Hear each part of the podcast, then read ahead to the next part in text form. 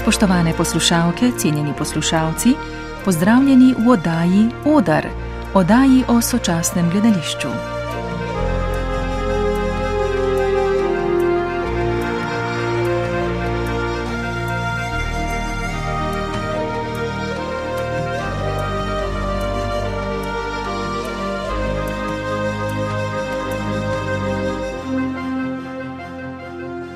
Niče je imel prav. Tragični junak se po svoje veseli svoje tragičnosti, ker ga to dviga nad povprečje.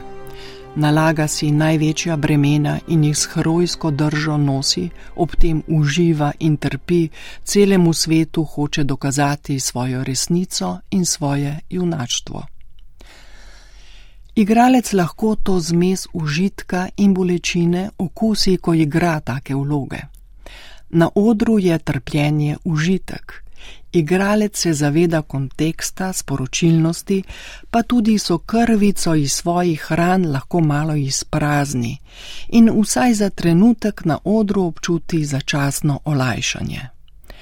V spoju trpljenja in užitka igralec nosi plamenico najvišjih vrednot in se ob tem pač ne more počutiti drugače kot herojsko, dostojanstveno in zmagoslavno. Opazujem sebe, svoje kolegice in kolege v tragičnih vlogah. Ob hudih pretresih, notranjih bojih in bolečinah točijo prave solze uživajo, kot da bi s tem užitkom želeli zgrabiti svoje notranje demone, svoje globoke rane in strahove za roge in jim zavladati, se z njimi igrati. Uživajo v razkazovanju svoje bolečine in veščine hkrati. Ne trdim, da je to početje lahko, potrebna je močna koncentracija, celotno telo in dušo moramo namreč pripraviti do tega, da reagira na želen način. Po nastopu smo prazni in utrujeni, a tudi izpolnjeni. Temne energije, ki so se skozi življenjske izkušnje nakopičile v nas in ki nas v vsakdanjem življenju ovirajo, tlačijo, nervirajo, bolijo, so na odru dobrodošle igralec jih oblikuje, prilagodi značaju lika in s tem lahko doživi svojstveno olajšanje in očiščanje. V tem primeru deluje umetnost zdravilno. Sama pa nisem prepričana, da v resnici lahko tudi pozdravi travmo, kakor tudi ozdravljena travma, po moje, ne zavre umetniške ustvarjalnosti. Komedija ima v sebi veliko trpkih, tragičnih resnic, le pogled na nje je humoren, kar je za gledalca in igralca svoje vrstna svoboda. Ravno zaradi tega obožujem komedijo, saj se lahko preko humorja osvobodim temnih plati svojega značaja in značaja lika. Samo ironija je pri tem ključna pravzaprav gre za občutek, ki ga je vredno gojiti tudi v življenju. Da znaš na sebe pogledati tudi z humorne, igrive plati. Odlično je, če sebe ne jemlješ smrtno resno. Dobro si je privoščiti malo ležerne navihanosti, si kdaj pa kdaj reči: boli me patak, mene frego, fuck off in kar je še takih klenih slovenskih izrekov za bolj sproščen način življenja. Tudi črni humor mi ni tuj.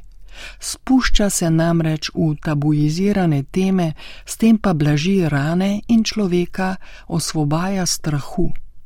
Komedija je sjajna stvar, saj v trenutku smeha človek pozabi na težave, ki ga pestijo, morda jih celo po predstavi vidi kot manj strahotne in dramatične, ter zmore v življenje stopiti z lažjim korakom. Smeh je najbolj iskrena reakcija.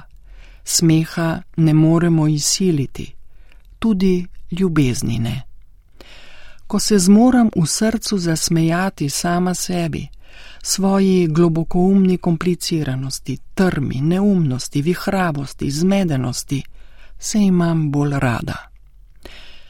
Bolj sem si všeč taka lahkotna, preko smeha odpadajo maske, bližje sem resnici. Ne pravijo za ston, da je v vsaki šali kanec resnice. Tako s smehom postajam bližje sama sebi. In ta pot ni boleča, pač pa zabavna. Ali, če se izrazim še drugače, nisem več obtovčeni šentjakobski kon kot na začetku igralske poti, sem v sedlu, na iskrivem konju, to pa je že bolj živ, žareč občutek. Komedija je torej dobro zdravilo. Brez posveta pri zdravniku ali farmacevtu deluje proti neumnosti, oskosrčnosti ter pri vseh drugih ogabah človeškega ravnanja, zaradi katerih vsi trpimo. Komedija nam daje moč, da je pogled na nečloveško grdobijo ljudsko dobrodušen, resnico ljuben in dobronameren. To je mogoče s kapljico duhovitosti, ki je skrivna sestavina tega zdravila. Dobi se brez recepta, to pa zato, ker recepta za komedijo ni. Spoštovana Saša Pavček, lepo pozdravljeni. Dobar dan, hvala za povabilo. Hvala, ker ste prebrali besedilo o tragediji in komediji na kratko. Tu je poglavje iz vaše najnovejše knjige z naslovom Živi ogen gledališča. Preden se pogovoriva o knjigi, bi se pravzaprav poglobila v temo, ki ste jo z besedilom že načeli. Sama se spomnim, predvsem sem v dramo hodila v 90-ih letih, vaših dveh vlog, to sta bili Uršula v Strnišavem samorogu mm -hmm. in Antigona o Jovanovičevi Antigoni. Obe predstavi v režimi teh očevar. A se vam dan danes eh, še zdi smiselno govoriti o teh vlogah? Torej, je nekaj v njih, kar je preživelo ta zgodovinski čas. Eh, zdi se mi smiselno govoriti ne zato, da bi recimo obujala zgolj spomine na to, ampak nekaj je v teh dveh predstavah, v besedilu in v teh dveh obeh vlogah Uršule in pa Antigone, kar je večno in sporočilnost teh obeh vlog. Recimo pri Uršuli ko ona reče, zdaj upam, da se bom pravilno spomnila, rada bi šla v tisti svet, kjer so živali in rastline, skratka, rada bi se poenotla s celotnim univerzumom, s celotnim svetom. Ne bi bila več rada samo ta grobi človek, prenašala te, te grobosti človeškega sveta, ampak bi bila rada eno z rastlinami in živalmi. In tudi eh, recimo Antigona, ta znamenit stavek, ne, ne da sovražim, da ljubim sem na svetu, to so neke večne, se mi zdi, poti, po katerih je vredno, da hodijo tudi bodoči rodovi, eh, mlade igravke, z novim pogledom na to problematiko, ki jo obravnava krasno v poetični drami Gregor Strniša. Eh, eden naših največjih pesnikov in pa seveda večne teme, ki jih prinaša antika z vsemi grozotami tega sveta, ki so po eni strani tisti okvir, ki ga tudi mi v življenju ne moremo prestopiti, lahko pa vse, kar je znotraj tega okvirja, napolnimo svojo lastno vsebino, svojim lastnim vtisom in zbiramo svoje avtonomne in veliko bolj osrečujoče poti, kot nam jih recimo ta, narekuje tako imenovana usoda. Ko pa govorite o komediji, pa omenjate predstavo Jez. Uh mhm. Eh. To je predstava, ki je bila skoraj dve desetletji na repertoarju dramskem. Ne? Bila pa je to tudi prav posebna predstava, po mojem mnenju, tako zaradi izgovorjenega besedila, kot tudi zaradi tišin. Uh. -huh. Mislim, da med temi tišinami se je marsikaj dogajalo. Ja, res je. Je ta legendarna predstava male drame, eh, drame SNG Ljubljana, je res ostala dve desetletji na, na repertoarju in njeno sporočilo je zapisano v prvi didaskali avtorja Konorja McPrsna, kjer piše, to je igra, kjer se ljudje med seboj pogovarjajo. In ta stavek se sicer nikoli ne izreče, je pa takoj na začetku tega teksta bil zapisan in ko sem dobila besedilo v roko, sem se zamislila pravzaprav nad svojim življenjem, kdaj sem si res vzela čas, da se pogovarjam z ljudmi, da to ni zastavljanje vprašanj in ne poslušanje odgovora, da ni izpovedovanje resničnega občutja, resnice, kako, če me nekdo vpraša, kako si, da resnično povem svoj občutek, seveda odvisno tudi od priložnosti in tako naprej. Zaradi teh tišin, ki jih omenjate v tej postavitvi, je seveda eh, nekaj je zadrega, ko se pač te štirje moški znajdejo v ženski družbi v neki zahod, zakotni irski krčmi, ko ne vejo najprej seveda ta primarni gon po tem moški potrditvi, kako bi se izpostavili kot veliko lepši, boljši, kot so v resnici, skratka to petelinjenje, ki potem preraste s časoma v iskrene izpovedi svojih življenj. In ta življenja so vse prej kot lahkotna, srečna, osvobajajoča ali kaj podobnega, ampak so res mračna, povezana s smrtni, z izgubami, z alkoholizmom, samoto. In ravno ta samota je tista, ki je skozi te tišine spregovorila. Ogromno je bilo smeha, ker je zelo veliko duhovitosti. Besedilo je napisano tako, kot je avtor poslušal v krčmi svojega detka na podeželju Irskem, kot so se ljudje med sabo res pogovarjali. In on je potem seveda to preoblikoval v dramsko formo, kajti direkten posnetek nekega avtentičnega dokumentarnega govora na odru redko kdaj zdrži, počasi rata lahko dolgočasen.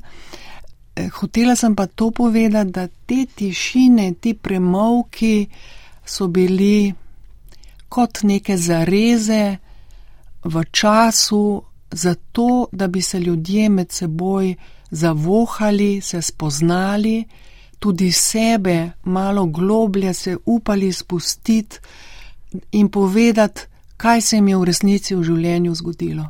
En govori recimo o bolečini, ko ni mogel ostati z dekletom in ne ve sam zakaj in živi sam in porabi dve uri, da zakrpa e, eno uh, staro gumo. Drugi pripoveduje, da živi sam z mamico in kako je videl enkrat, ko je bil popolnoma pijan duhove na, na pokopališču. Ali pa recimo lik, ki sem ga jaz igrala, izpove najbolj tragični dogodek svojega življenja, kako je izgubila svojo hčerko, šestletno, ko je šla plavat. In konec seveda to pove z, in da od takrat naprej sliši njene glasove in ve, da je ona še živa. Skratka, neka zelo tragična zgodba. In drug lik na to reče, ma je bi ga, lahko bi bilo še slabš. Jasno, da je se publika zasmeje, ker je tudi neka sprostitev in dejansko morda bi bilo lahko še slabše, morda je nekje neka druga mati, ki je izgubila vse svoje otroke in tako naprej. Ne. Te tragične zgodbe na svetu jih je ogromno in važna se mi je zdela osvetlitev teh zgodb.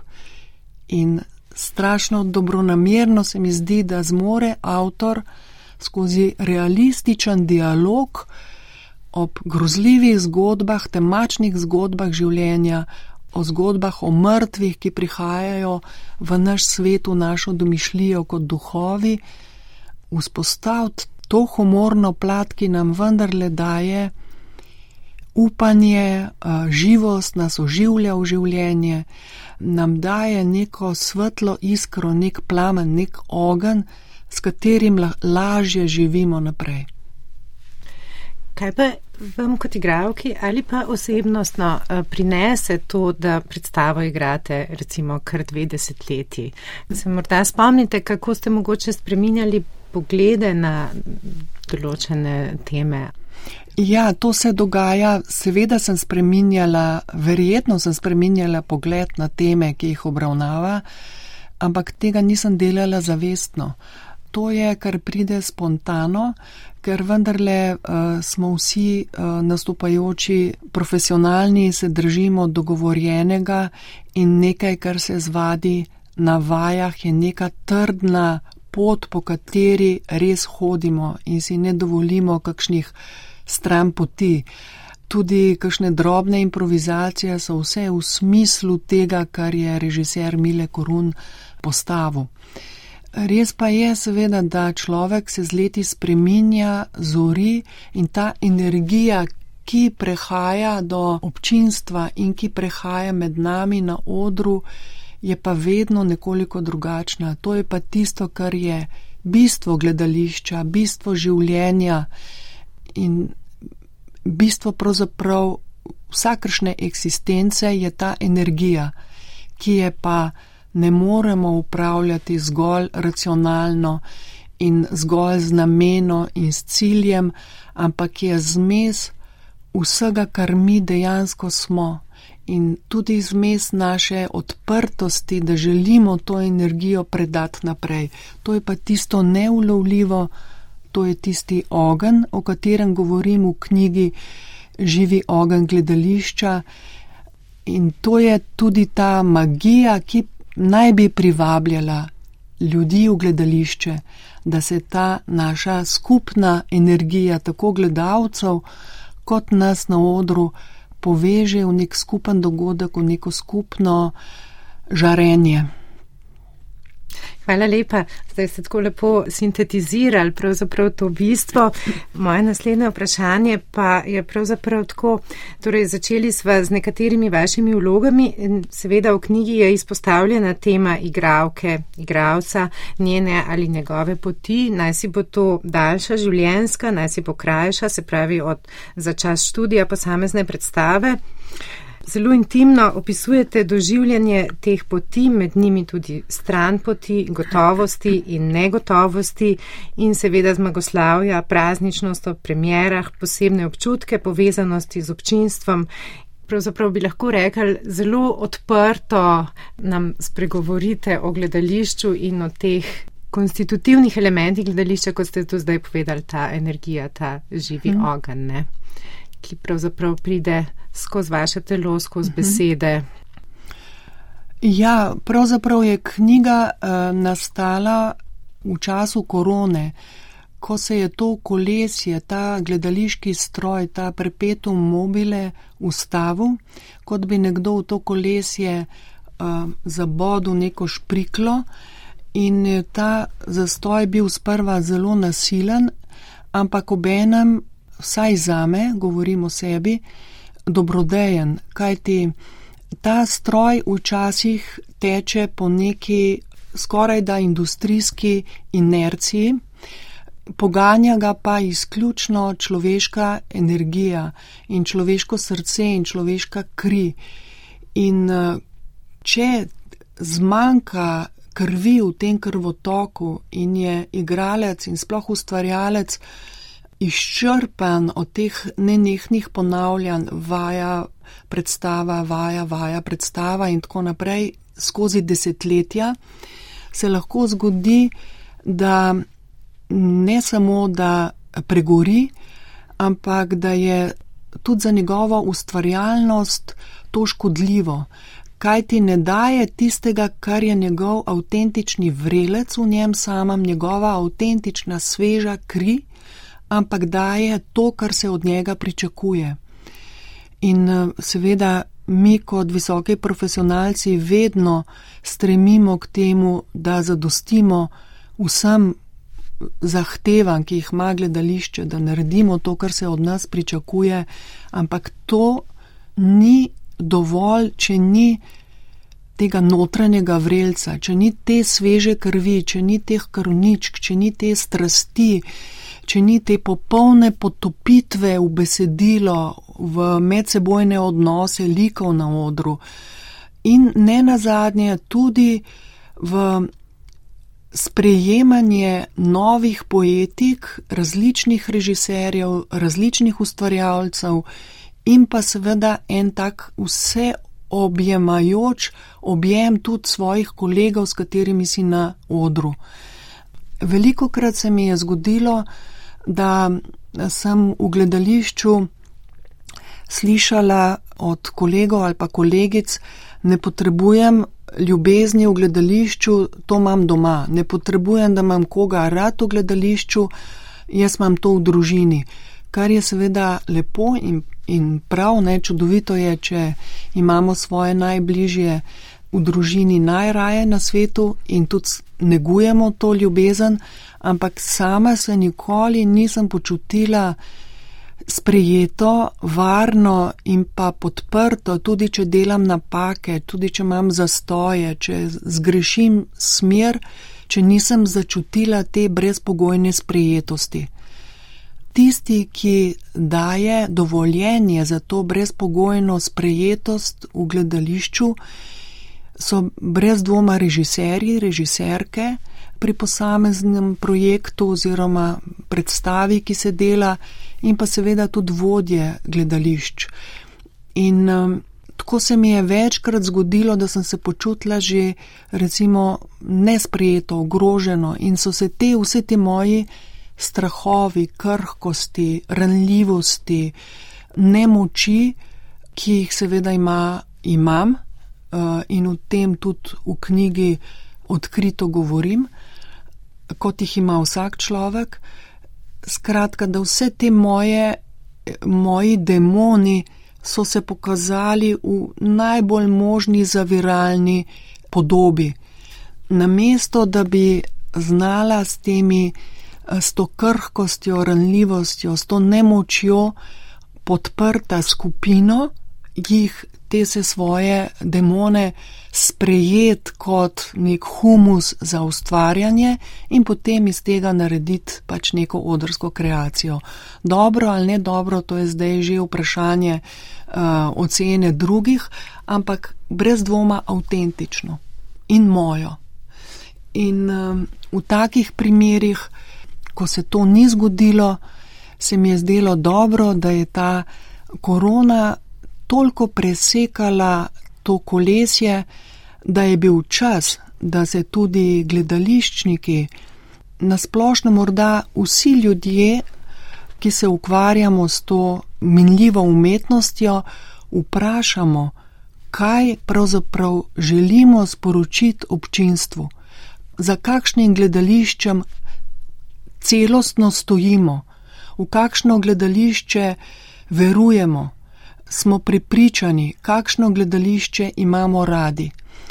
In zato, da bi doživeli ta trenutek uvida v same sebe, je potreben nek določen čas, nek mir, neka tišina, da se ta želja, avtentična želja, ne po potrjevanju, ne po ustvarjanju novih predstav, zato ker morajo biti narejene kljukice za Ministrstvo za kulturo, ne zato, ker mora iti abonmajski sistem naprej, ne zato, ker moramo napolniti gledališko blagajno. To je vse mora biti verjetno, ne? Ampak prvenstveno je to, kar nas notranje žene v to, da delamo gledališče. In sem prepričana, ko bodo zgodbe v gledališču postale prepričljive, avtentične, nekaj, kar je to, kar privre iz srca, iz naše krvi, iz naše razgledanosti, celostnega pogleda na svet, takrat mislim, da tudi publika, ne glede na to, da je današnja doba tako zelo razpršena ob vseh, internetnih pasteh, pametnih telefončkih, eh, fantastičnih TV eh, nadaljevankah, filmih, eh, koncertih in tako naprej in ob čudoviti naravi, v katero se zelo veliko ljudi spet zateka, da ne glede na vse te pasti, da ko bo gledalec začutil, tam pa je nekaj avtentičnega, svežega, nekaj, kar bo mene dvignilo v življenju, nekaj, kar mi bo dalo moči za nov korak, nov uvid, novo spoznanje, takrat bo lahkotnega koraka tudi ta gledalec prišel v gledališče in si dopustil, da ga ta virus tega avtentičnega gledališča preplavi. In bo potem tudi z lažjim korakom šel naprej v življenje. Ne? Pravzaprav tudi o tem pišete, kako je umetnost pravzaprav pomembna za nas, kako nas dviguje, kako nas osvobaja, kako pravzaprav res gremo z lažjim korakom, ne? pa ne glede na to zdaj, ali sva pri tragediji ali sva pri mhm. humornem. Ne? Seveda, to je umetnost in. Uh, kultura nasplošno, ne, kultura se pravi negovanje vseh odnosov, tako uh, v družinskem uh, krogu, kot v delovnem okolju, kot odnosov uh, z ljudmi nasploh, ne, je nekaj, kar je nujno sproti negovati. In Danes je veliko govora recimo o sovražnem govoru, kako je treba to prepovedati in tako naprej. Jaz se v to sploh ne bi spuščala. Se mi zdi, da, da če je človek orientiran na to, da iskreno, prijazno deluje med so ljudmi, tako na cesti, v trgovini, v zdravstvenem domu ali kjerkoli pač je v neki interakciji z drugim človekom, ne bo to tudi pisana beseda, sporočilo na Facebooku ali pa Twitterju ali kjerkoli, če deluje z drugačnim nabojem, skratka ne sovražnim, ampak ljubečim, z ljubečo naklonjenostjo, potem se svet uh, morda počasneje, ampak se spreminja. Na prijazno, iskreno prijazno besedo, ne cinično besedo, uh, Jaz ne vem, če sem že doživela, recimo, da bi kdo odgovoril sovražno. Sem tudi že kdaj, ampak je verjetno ta sovražnost nastala iz neke globoke rane tega človeka, za katero morda ne vem razloga. In tukaj pa je, recimo, v teh vseh ranah, ki jih imamo vsi, pa je umetnost tisti obliž, ki lahko te rane odpira, razsvetljuje, jih odpre, da vidimo, kaj se nam je v življenju zgodilo. Ta identifikacija z junaki na odru nam lahko ogromno da, ko vidimo recimo konkretno, če zdaj povem, recimo predstava v mali drami otroci, kjer se razkrije ljubezenski trikotnik med dvema ženskama in moškim v poznih srednjih letih, ki je trajal celo življenje in si je recimo žena pri tem zatiskala oči. Pripričana sem, da je lahko v današnji družbi veliko takih žen in da lahko ob ogledu te predstave morda pridejo do nekega novega spoznanja, ne sovražnostjo, ampak morda z eno ljubečo naklonjenostjo do svojega življenja. To je bilo, to sem sprejela, to sem jaz, to je moj mož, ki ga imam rada, morda je to njen zaključek. Skratka, nekaj, kar pride iskreno iz nje same. In tukaj pa mislim, da je umetnost tista, ki odpira vsa ta vrata ne samo literatura ali pa recimo psihoterapija in tako naprej. Mislim, da ima umetnost tukaj neko drugačno težo in moč, kaj ti deluje na vse čute, deluje tudi na telo, deluje na vidne, vidno senzorno, slušno in obenem prinaša pri vseh teh grozotah sveta, ki jih obravnava lahko gledališče, lepoto lepoto, po kateri, po kateri vsak človek na svoj način hrepeni. In lepota je tista, ki mu daje jasno sporočilo, ti kot človek si vreden in si lep, ker gledaš lepe stvari, ker prepoznavaš lepoto tudi v recimo dramatičnih odnosih v neki družini. Če povem recimo primer, Druga predstava, ki bi omenila, recimo Škorpion v mali drami, ki je še vedno na repertoarju, govori o nezdravih družinskih odnosih, o materi, ki je kontrol frik, skratka nadzorovalna osebnost, ki se vtika v vsako stvar, ki je manipulator, ki je v želji, da bo vse perfektno, rušilna, razdiralna in tako naprej in se iz teh njenih prepričanj pravzaprav gradi vedno več ledu v družinskih odnosih in posledično seveda tudi v družbi prerašča v fašizem. To je lahko po eni strani neko, neka grozovitost, po drugi strani pa lahko ravno sporočilnostjo tega, kar prinaša ta predstava, govori o tem, da to ni svet, v katerem hočemo živeti. To niso družinski odnosi, ki nas hranijo, ki nas vodijo v življenje s smelim korakom, samozavestjo, z nekim samozaupanjem, samospoštovanjem. In po drugi strani pa z vso tem, kar gledališka predstava prinaša, je neka vseeno neka lepota, neka estetika, tudi v teh tako imenovanih grdih značajih. Zdaj ste spregovorili o tem, kaj umetnost odpira, kako lahko oziroma pravzaprav naj bi vplivala na človeka. Pripričana sem, da s takim odnosom pravzaprav tudi sami eh, raziskujete vloge ali pa gradite vloge. Pravzaprav pa vaše delo k umetnosti reciva pa poteka tudi v okviru pedagoškega procesa. Poučujete umetniško besedo na Akademiji za gledališče, radio, film in televizijo in tudi, kot beremo v knjigi, študente spodbujate k odprtemu odnosu, k posvečenosti, k iskanju lastnega izraza in uh, pravzaprav preko tega k avtentičnim interpretacijam. Ne? Ja, 15 eh, let sem poučevala umetniško besedo na akademiji, zdaj že eno leto ne več.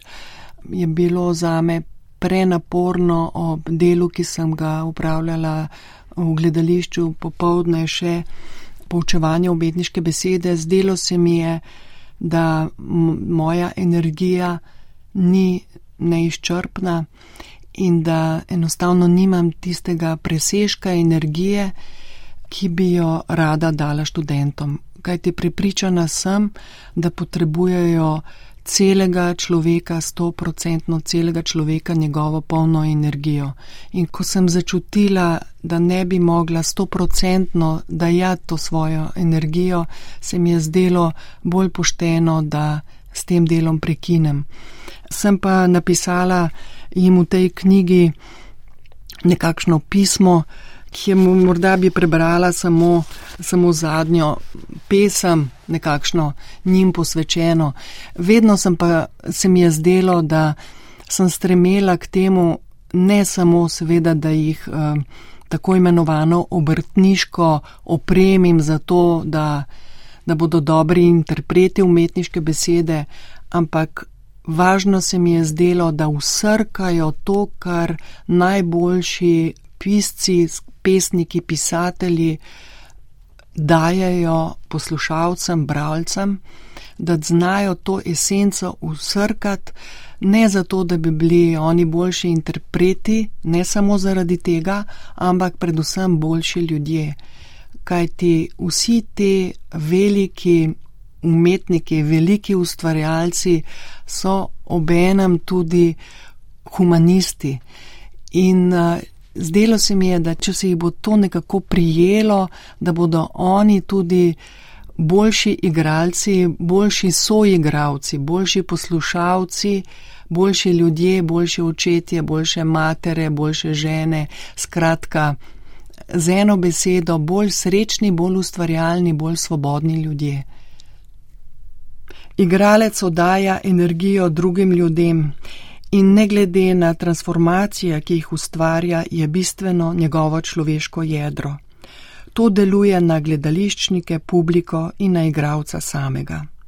Verjamem, da s pomočjo poezije to občutljivo jedro lepše zori in težje skrene z poti. Z drugo besedo, čisto jedro je zmožno visokih umetniških dosežkov in etičnih vrlin. Vedno sem imela občutek, dragi študenti in študentke, da so vaša jedra čista, da so nedolžna in modra hkrati, da imajo neko urojeno vedenje, ki je še skrito, a vas nagovarja in vodi. Odkrivanje teh potk, ki so se tu in tam zasvitale pri našem delu, me je navdušilo in pomirilo. Videla sem, da ste zaznali, kako temu vzgibu slediti, kako čistiti poti in ostajati povezani s svojim jedrom. V dobi vizualnosti je res norost, da vas nagovarjam k veri v besedo, da vidim smisel v dajanju življenja za besedo. To, da brez te ustvarjalne norosti ne gre. Pred 500 leti je precej nabriti filozof Erasem Notrdamski v satirični hvalnici norosti na humoren celo z afrikanski način utrl pot ustvarjalni norosti in bralca pozval k humanističnim vrednotam. Obema igralčevi veri v besedo in pisanju Erasma Notrdamskega je skupna ena stvar - radikalna vera v besedo.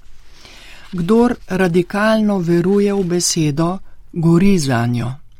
Kdor radikalno veruje v besedo, vedno znova občuti njeno moč. Če imaš besede rad, z njimi občutljivo ravnaš. Beseda je moč. Zvok izgovorjene besede je lep, ker jo izgovarja človek človeku, da bi se razumela, spoznala sprejela. Igralec pripoveduje, kar pisec zapoveduje. Oba se izpovedujeta na svoj način in skupaj. Oba lahko ganeta, oba nasmejeta, oba začarata. Glas je kristalen, ko je naša misel jasna.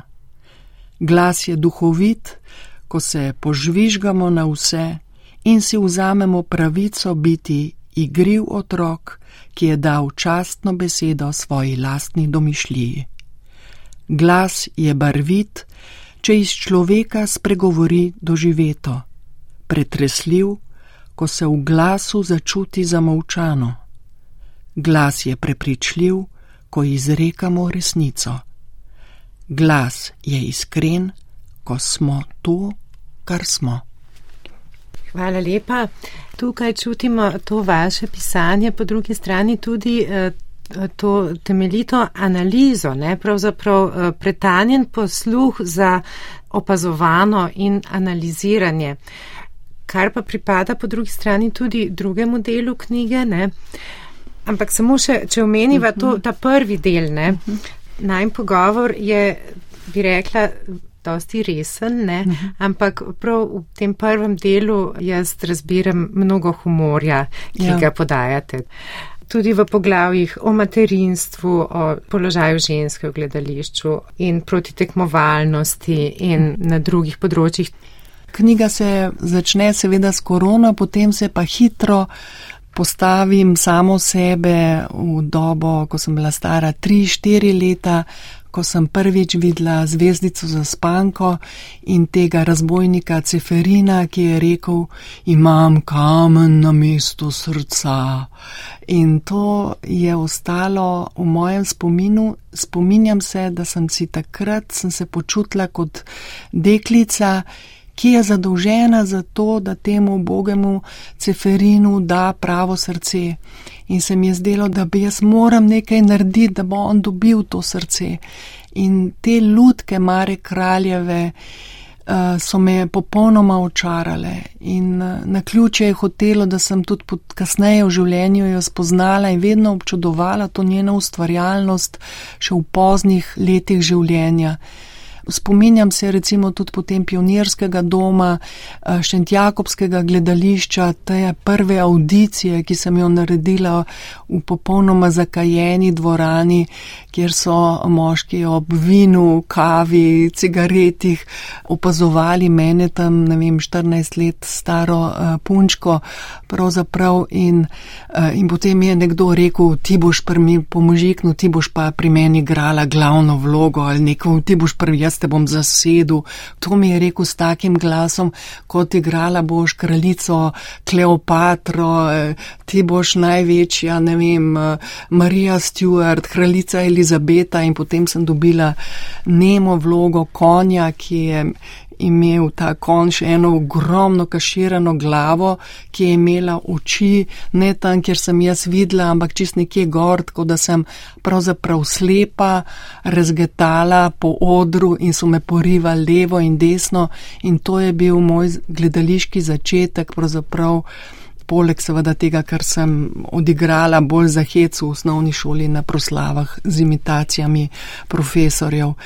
In večkrat sem se kasneje tudi v poklicu počutila kot ta kon, ki ga brcajo levo in desno, ki mu ne dovolijo, da gleda sam, da občuti svoje telo, ampak je v službi nekoga drugega. In spominjam se tudi tam v Šentjakobu, ko sem mislila, no zdaj pa konc, končno konc te pred, otroške predstave, je bila pauza in potem so rekli, no tukaj je pa koniček, vsi otroci greste lahko jahat konička. In sem še vse pauze držala hrbe, da so ti otroci skakali po meni.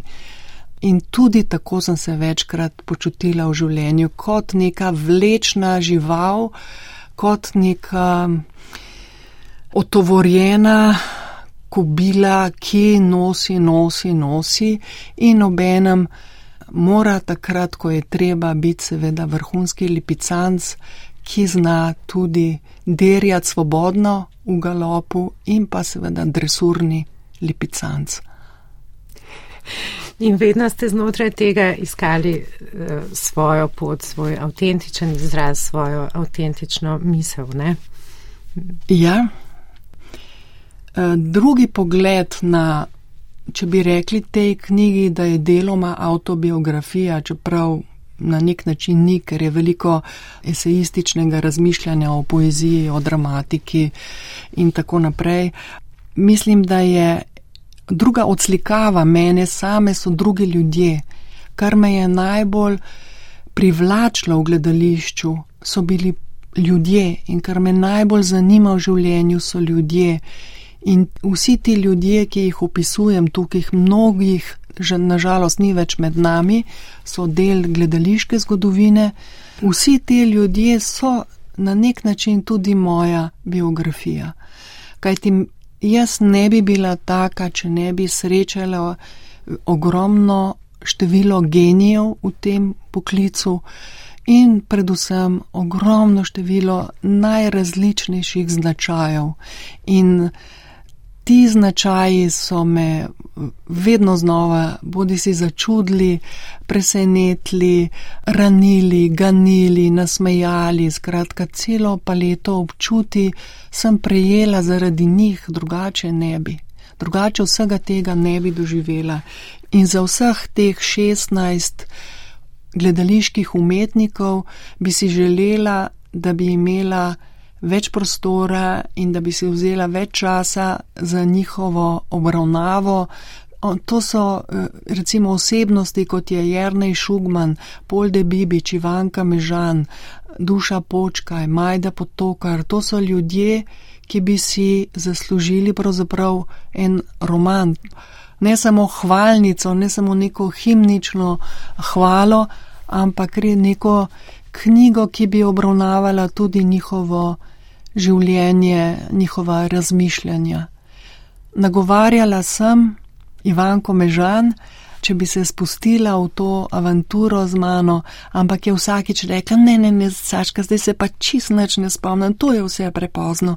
In to mi govori že deset let, in če bi takrat pred desetimi leti uh, bolj odločno uh, jo začopatla, bi morda res lahko nastala neka neka knjiga, ki bi jo bila Ivanka brez dvoma vesela, čeprav bi verjetno rekla: ne, ne, ne, to ne bi bilo treba, mislim pa, da bi ljudem olepšala življenja, kot jim ona tudi Ivanka Mežan svojo osebnostjo, svojim umetniškim uh, delom in seveda s tem čudenjem in radostjo do življenja, ki ga še vedno nosi pri svojih 95 letih.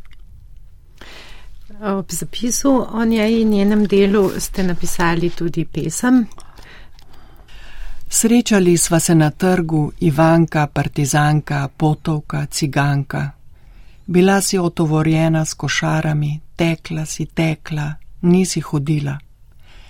Srečali sva se pred gledališčem, delali kroge okoli in še enkrat okoli, dolgo v noč, okoli in okoli in okoli in okoli, nisva se hoteli raziti. Prišla si k meni na dom, ko so me pripeljali iz bolnice. Prinesla si veliko košaro darovalka. Prinesla si vse, kar si vložila v kozarce, marmelado, kumarice, ajvar. Rekla si, to je zate, da ne boš lačna.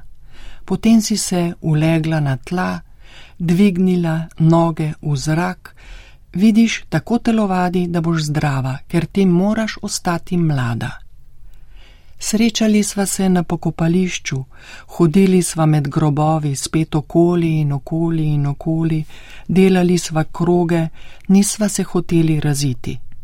Pokazala si mi, kje je kdo pokopan postajala si pred grobovi, se pogovarjala s svojim možem, vzdihovala: O moj, moj, moj, o moj, moj, moj, o moj, zmajevala, zmajevala.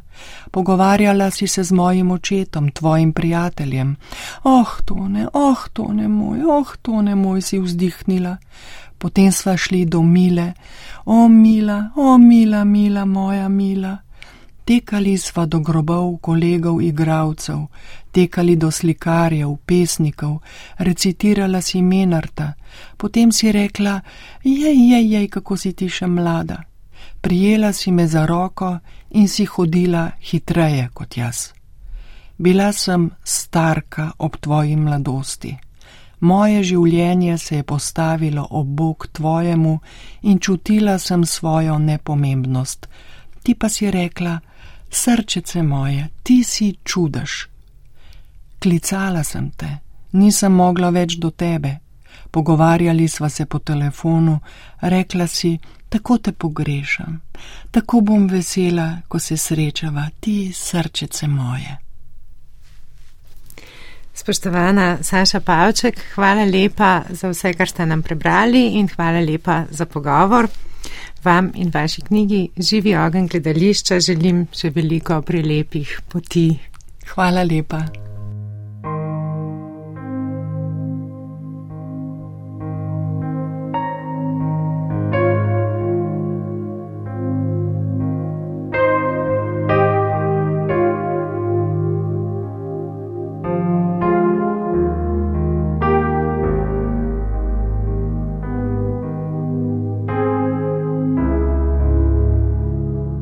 Knjigo začenjam z zastojem, korono in premislekom, kje je tisti živi ogen gledališča, ki ga želimo živeti, gledati in ustvarjati, knjigo končujem z besedami: Vendar mornar, ko je najvišji dan, izmeri daljo in nebeško stran. Kot nam je modro svetoval Oton Župančič, ki je bil tudi nekdanji ravnatelj drame.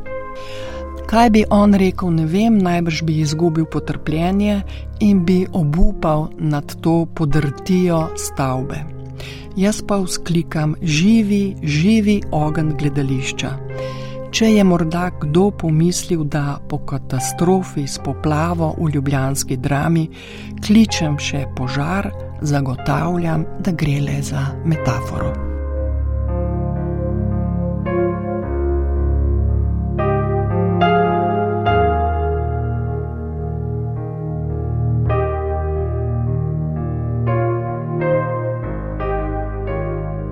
Spoštovane poslušalke, cenjeni poslušalci, poslušali ste Oder, oddajo o sočasnem gledališču.